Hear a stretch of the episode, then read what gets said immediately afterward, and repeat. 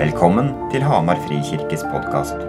Vår visjon er å følge Jesus, dele evangeliet, samle generasjonene og bygge nye fellesskap. Les mer om oss på hamarfrikirke.no. Her er talen fra søndagens gudstjeneste. Vi skal eh, gå nå over i en Vi har hatt en veldig flott taleserie synes jeg, i forhold til bærekraftig etterfølgelse. Eh, og Det er det mange vet jeg, som har eh, satt pris på. Fått veldig mye gode, god respons fra folk fra menigheten i forhold til tematikken. Eh, og så eh, har vi lyst til å nå, eh, nå fram til påske har vi lyst til å følge søndagens tekster, og vi begynner nå i dag med, i forbindelse med adventstida. Eh, så vi, vi, ønsker å være menighet som både eh, holder oss til søndagstekster og av og til har noen taleserier som inn mot noe tematikk som vi kjenner er, er noe Gud leder oss inn i.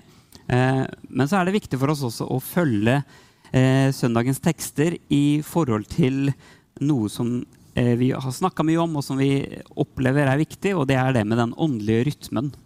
Og da er eh, søndagens tekst en veldig sånn fin måte å eh, skape den rytmen på. Eh, så det begynner vi med i dag. Eh, og eh, i dag så er det da Matteus kapittel 21 vers 1-11 om Jesus som rir inn på et esel. På en måte opptakten til påsken første søndag i advent. Så det er jo litt artig at den kommer nå inn her, men passer veldig godt inn vi skal begynne med å lese teksten. Eh, da tror jeg jeg skal lese fra skjermen, så pass på at vi har riktig oversettelse her.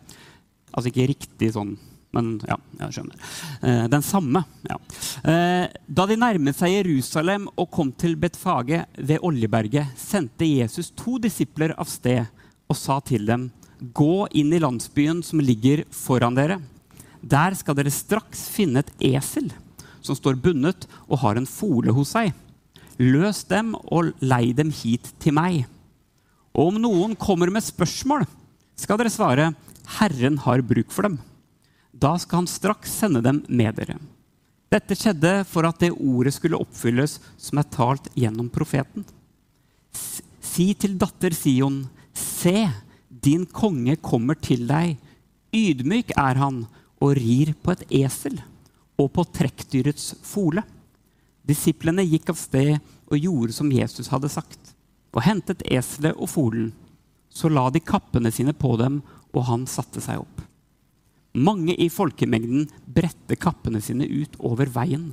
Andre skar greiner av trærne og strødde på veien. Og mengden som gikk foran, og de som fulgte etter, ropte Hosianna, Davids sønn, velsignet er han som kommer i Herrens navn. Hosianna, i det høyeste. Da han dro inn i Jerusalem, ble det uro i hele byen, og de spurte, 'Hvem er dette?'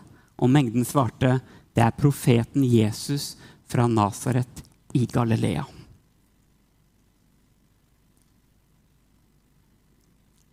Eh, jeg vet ikke om du har tenkt over at det er en interessant tekst eh, opp mot eh, nå i advent, som kanskje i tanken hører mer hjemme i påsken.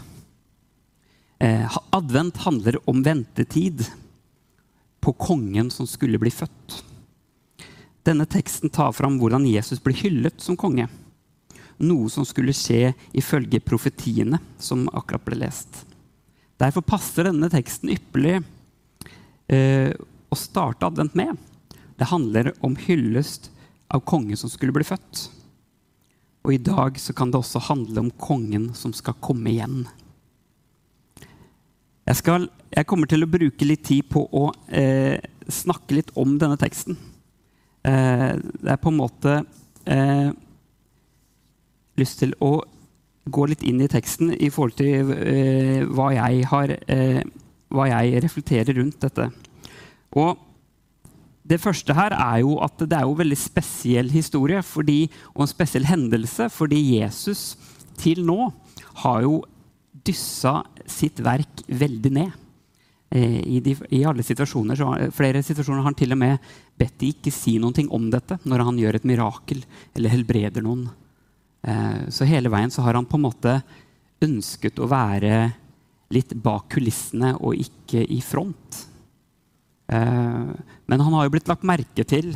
Mange har begynt å følge han, mens noen, altså fariseere og andre, måte opplever seg truet av det han sier og gjør. Men hele veien så har Jesus bedt folk ikke lage for mye oppstyr. Og så er det liksom Så skjer det en stor endring. Her kommer Jesus og lar seg bli hylla. Og jeg, jeg, har vært, nevnt dette før, men for meg har det blitt et sånt stort poeng. Det med Disiplene som fulgte han, altså de så så mye sterke ting. De var tett på Jesus. De så når han helbredet syke. De så når han eh, fridde mennesker ut i frihet. Og så satt de rundt bålet på kveldene og fikk høre dype sannheter som ingen andre fikk høre. Når Jesus delte Guds rikets hemmeligheter med disiplene. Altså, Disiplene kom så tett på at de, de så jo Jesus for den han var. Men hele veien så dyssa Jesus det ned. Altså, jeg, hadde jeg vært en av disiplene, så hadde jeg sikkert vært litt sånn eh, Sikkert ganske lik Peter, men, men litt sånn eh, Kom igjen, da, Jesus! Må jo, altså, folk må jo skjønne hvem du er! Du er jo så stor! Eh, og, eh, men hele veien så har Jesus dysset det ned. Og her så kommer Jesus ridende inn, dog på et esel, som var litt spesielt. Eh, eh, det var ikke en, på en måte en, en krigshest eller en stridshest det var et esel. Men han kom inn, og han ble hylla, og alle ropte Hosianna. De priste han for den kongen som han var. Og jeg ser for meg at disiplene tenker gjennombrudd. Endelig! Her er det. Nå ser de Jesus for den han er. Og lite visste de at dette skulle ikke bli det største øyeblikket i Jesus sin historie. Men likevel så, så det kanskje ut som det største som hadde skjedd. Jesus blir hylla. Endelig! For et øyeblikk for disiplene. Folkemengden hyllet han som konge over Israel. Det sies at eh, Eller man kan lese at ved påsketider kunne det være samlet rundt over tre millioner jøder i Jerusalem i påsketida. Og Det var pilegrimer fra Galilea, Perea, og det var folk fra byen der. Og Mest sannsynlig så var det også mange av, folk, mange av folkemengden var mennesker som hadde fulgt Jesus fra Jeriko, som hadde fulgt han, eh, som hadde blitt hans etterfølgere. Og så står det at, eh, at det var så voldsomt, det som skjedde, at det, var, det står faktisk ord som at det var risting, eh, samme ordet er brukt som jordskjelv. Altså det var, det, det var, eh, kaos, og det var voldsomt når Jesus kommer ridende inn. Det, det, på en måte ble et stort øyeblikk i Jerusalem. Jesus sørger for at ingen skulle glemme denne hendelsen. Han gjør et stort nummer ut av dette. Og det står ikke i stil med alt annet Jesus har gjort til nå. Dette skulle vise seg å være et viktig øyeblikk. Og denne hyllesten var spontan, det var ikke noe som var arrangert. Det skjedde spontant blant folkemengden. Tiden var inne for Jesus. Vi kan lese eh, Teksten var innom det, men eh, prof, prof, profetien fra Zakaria, kapittel 9, vers 9, Ruben, Bryt ut i jubel, datter Sion, rop av glede, datter Jerusalem. Se, din konge kommer til deg, rettferdig og rik på seier. Fattig er han og rir på et esel, på en eselfole. Hva er grunnen til at Jesus velger et esel? Jeg tror det var en dypere mening enn, en det var det som var mest eh, tilgjengelig. Eh, hvorfor var det et esel? Og så har jeg jo innsett da når jeg begynte å lese her, at det var faktisk to esler. Eh, og så er det jo mange som eh, så, kan, så, vet jeg at det er, det er eh, eh, Hva heter det? Teologene strides. Eh, det vil si, jeg strides ikke så veldig, for jeg er ikke teolog. Men, men, men eh, det, det, snakkes mye om hvorfor var det to. Eh, og så kan man mene mye om det. Eh, men det skal være heller, jeg fant jeg ikke ut av. men eh, det er begrensa hva man får til da, med denne UiO-bakgrunnen. Nei, men Men i hvert fall, altså um, Så langt jeg har kommet, da, så måtte man ha en mo moderesel for, for at denne eselfolen skulle bli med. Så det var vel kanskje bare fordi mamma måtte være med, da. Um, men i hvert fall, Jesus sitter, rir inn på dette eselfolet. Uh, og um, ifølge profetien så kom han inn på, på esel. da. Og Det var jo ikke uvanlig at konger kom ridende inn på denne måten inn i Jerusalem eller inn i byer. Men da var det ofte på stridshester. Og folkemengdene var ofte soldater med våpen som hyllet han for den lederen han var, seierherren. Men her var stridshesten bytta ut med esel. Og soldater var bytta ut med Jesus sine disipler, etterfølgere og mennesker som lot seg gripe av denne mannen. Og våpenet var bytta ut med palmegrener. Jesus symboliserte fred. Eselet symboliserer ydmykhet. Og ikke siden Salomos tid hadde noen ridd inn på et esel på denne måten. Og så er ikke palmegrener noe tilfeldighet. Dette er henta fra påskefesten og løvsalens fest. Denne festen varte ofte i sju dager, og da ropte man Hosianna, som betyr 'Herre, frels meg'. Og så marsjerte man rundt alteret med palmegrener. At de ropte Hosianna med palmegrener, var et stort budskap om Jesus som konge og et rop om frelse. Og dette skjedde spontant.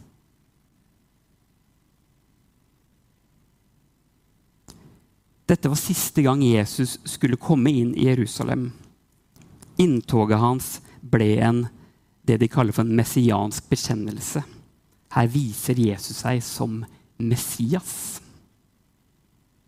Dette gjorde han fordi det skulle skje, og dette gjorde han for å sette et perspektiv på hvem han var.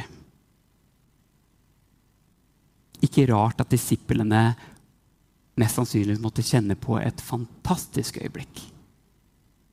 Nå ser folk at Jesus er Messias, at Jesus er konge.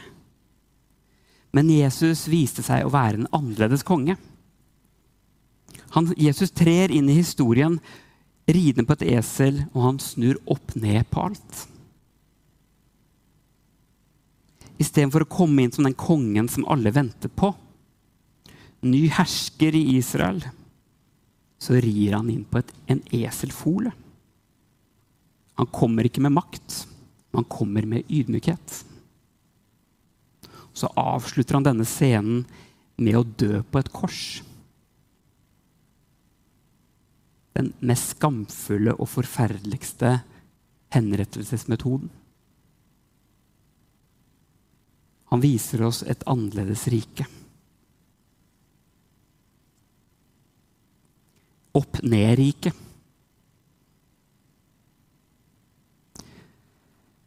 Og opp-ned-riket er vanskelig for oss å forstå. Vi griper det ikke. For det ligger i vår natur å få som fortjent. Det ligger i vår natur å bli sett og bli hørt. Det ligger i vår natur å bli forstått. Jesus levde et liv på jorda uten å bli forstått. Selv hans nærmeste venner forsto det egentlig ikke. Jeg har tenkt på Det må ha vært en enorm på en måte ensomhet i det. Han var fullt menneske, så han kjente på menneskelige følelser. Og det å være menneske. Men så hadde han sin far, som selvfølgelig det fellesskapet der. Men på, mens han gikk på jorda Han var ren, han hadde noen tanker og hadde en vilje som vi mennesker ikke forsto. I Isaiah 55, 8-9 så står det For mine tanker er ikke deres tanker, og deres veier er ikke mine veier, sier Herren. Som himmelen er høyt over jorden, slik er mine veier høyt over deres veier, og mine tanker høyt over deres tanker. I ordspråkene 3.5.: Stol på Herren av hele ditt hjerte, støtt deg ikke til din egen innsikt. Jesus sine tanker var noe helt annet enn det hans nærmeste disipler klarte å skjønne. I hvert fall hva denne folkemengden klarte å skjønne. Det store øyeblikket hvor han ble hyllet som konge, var ikke enden. Han snudde opp ned på alt.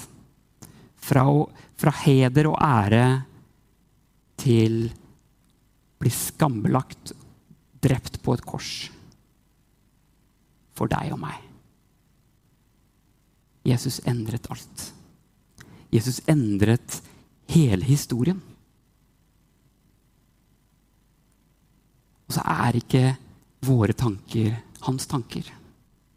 Så hans invitasjon til oss er å tilbe han som vår konge og overgi oss til hans vilje. Overgi oss til hans tanker og ikke sette lit til vår egen innsikt. Du og jeg, vi kommer til kort. Vi kan ha de, den sterkeste troen og, de, og den, den beste tanken om hva som er rett og galt. Men om ikke vi er overgitt og underlagt Guds vilje og Guds tanker i våre liv hver eneste dag, så kommer vi til kort.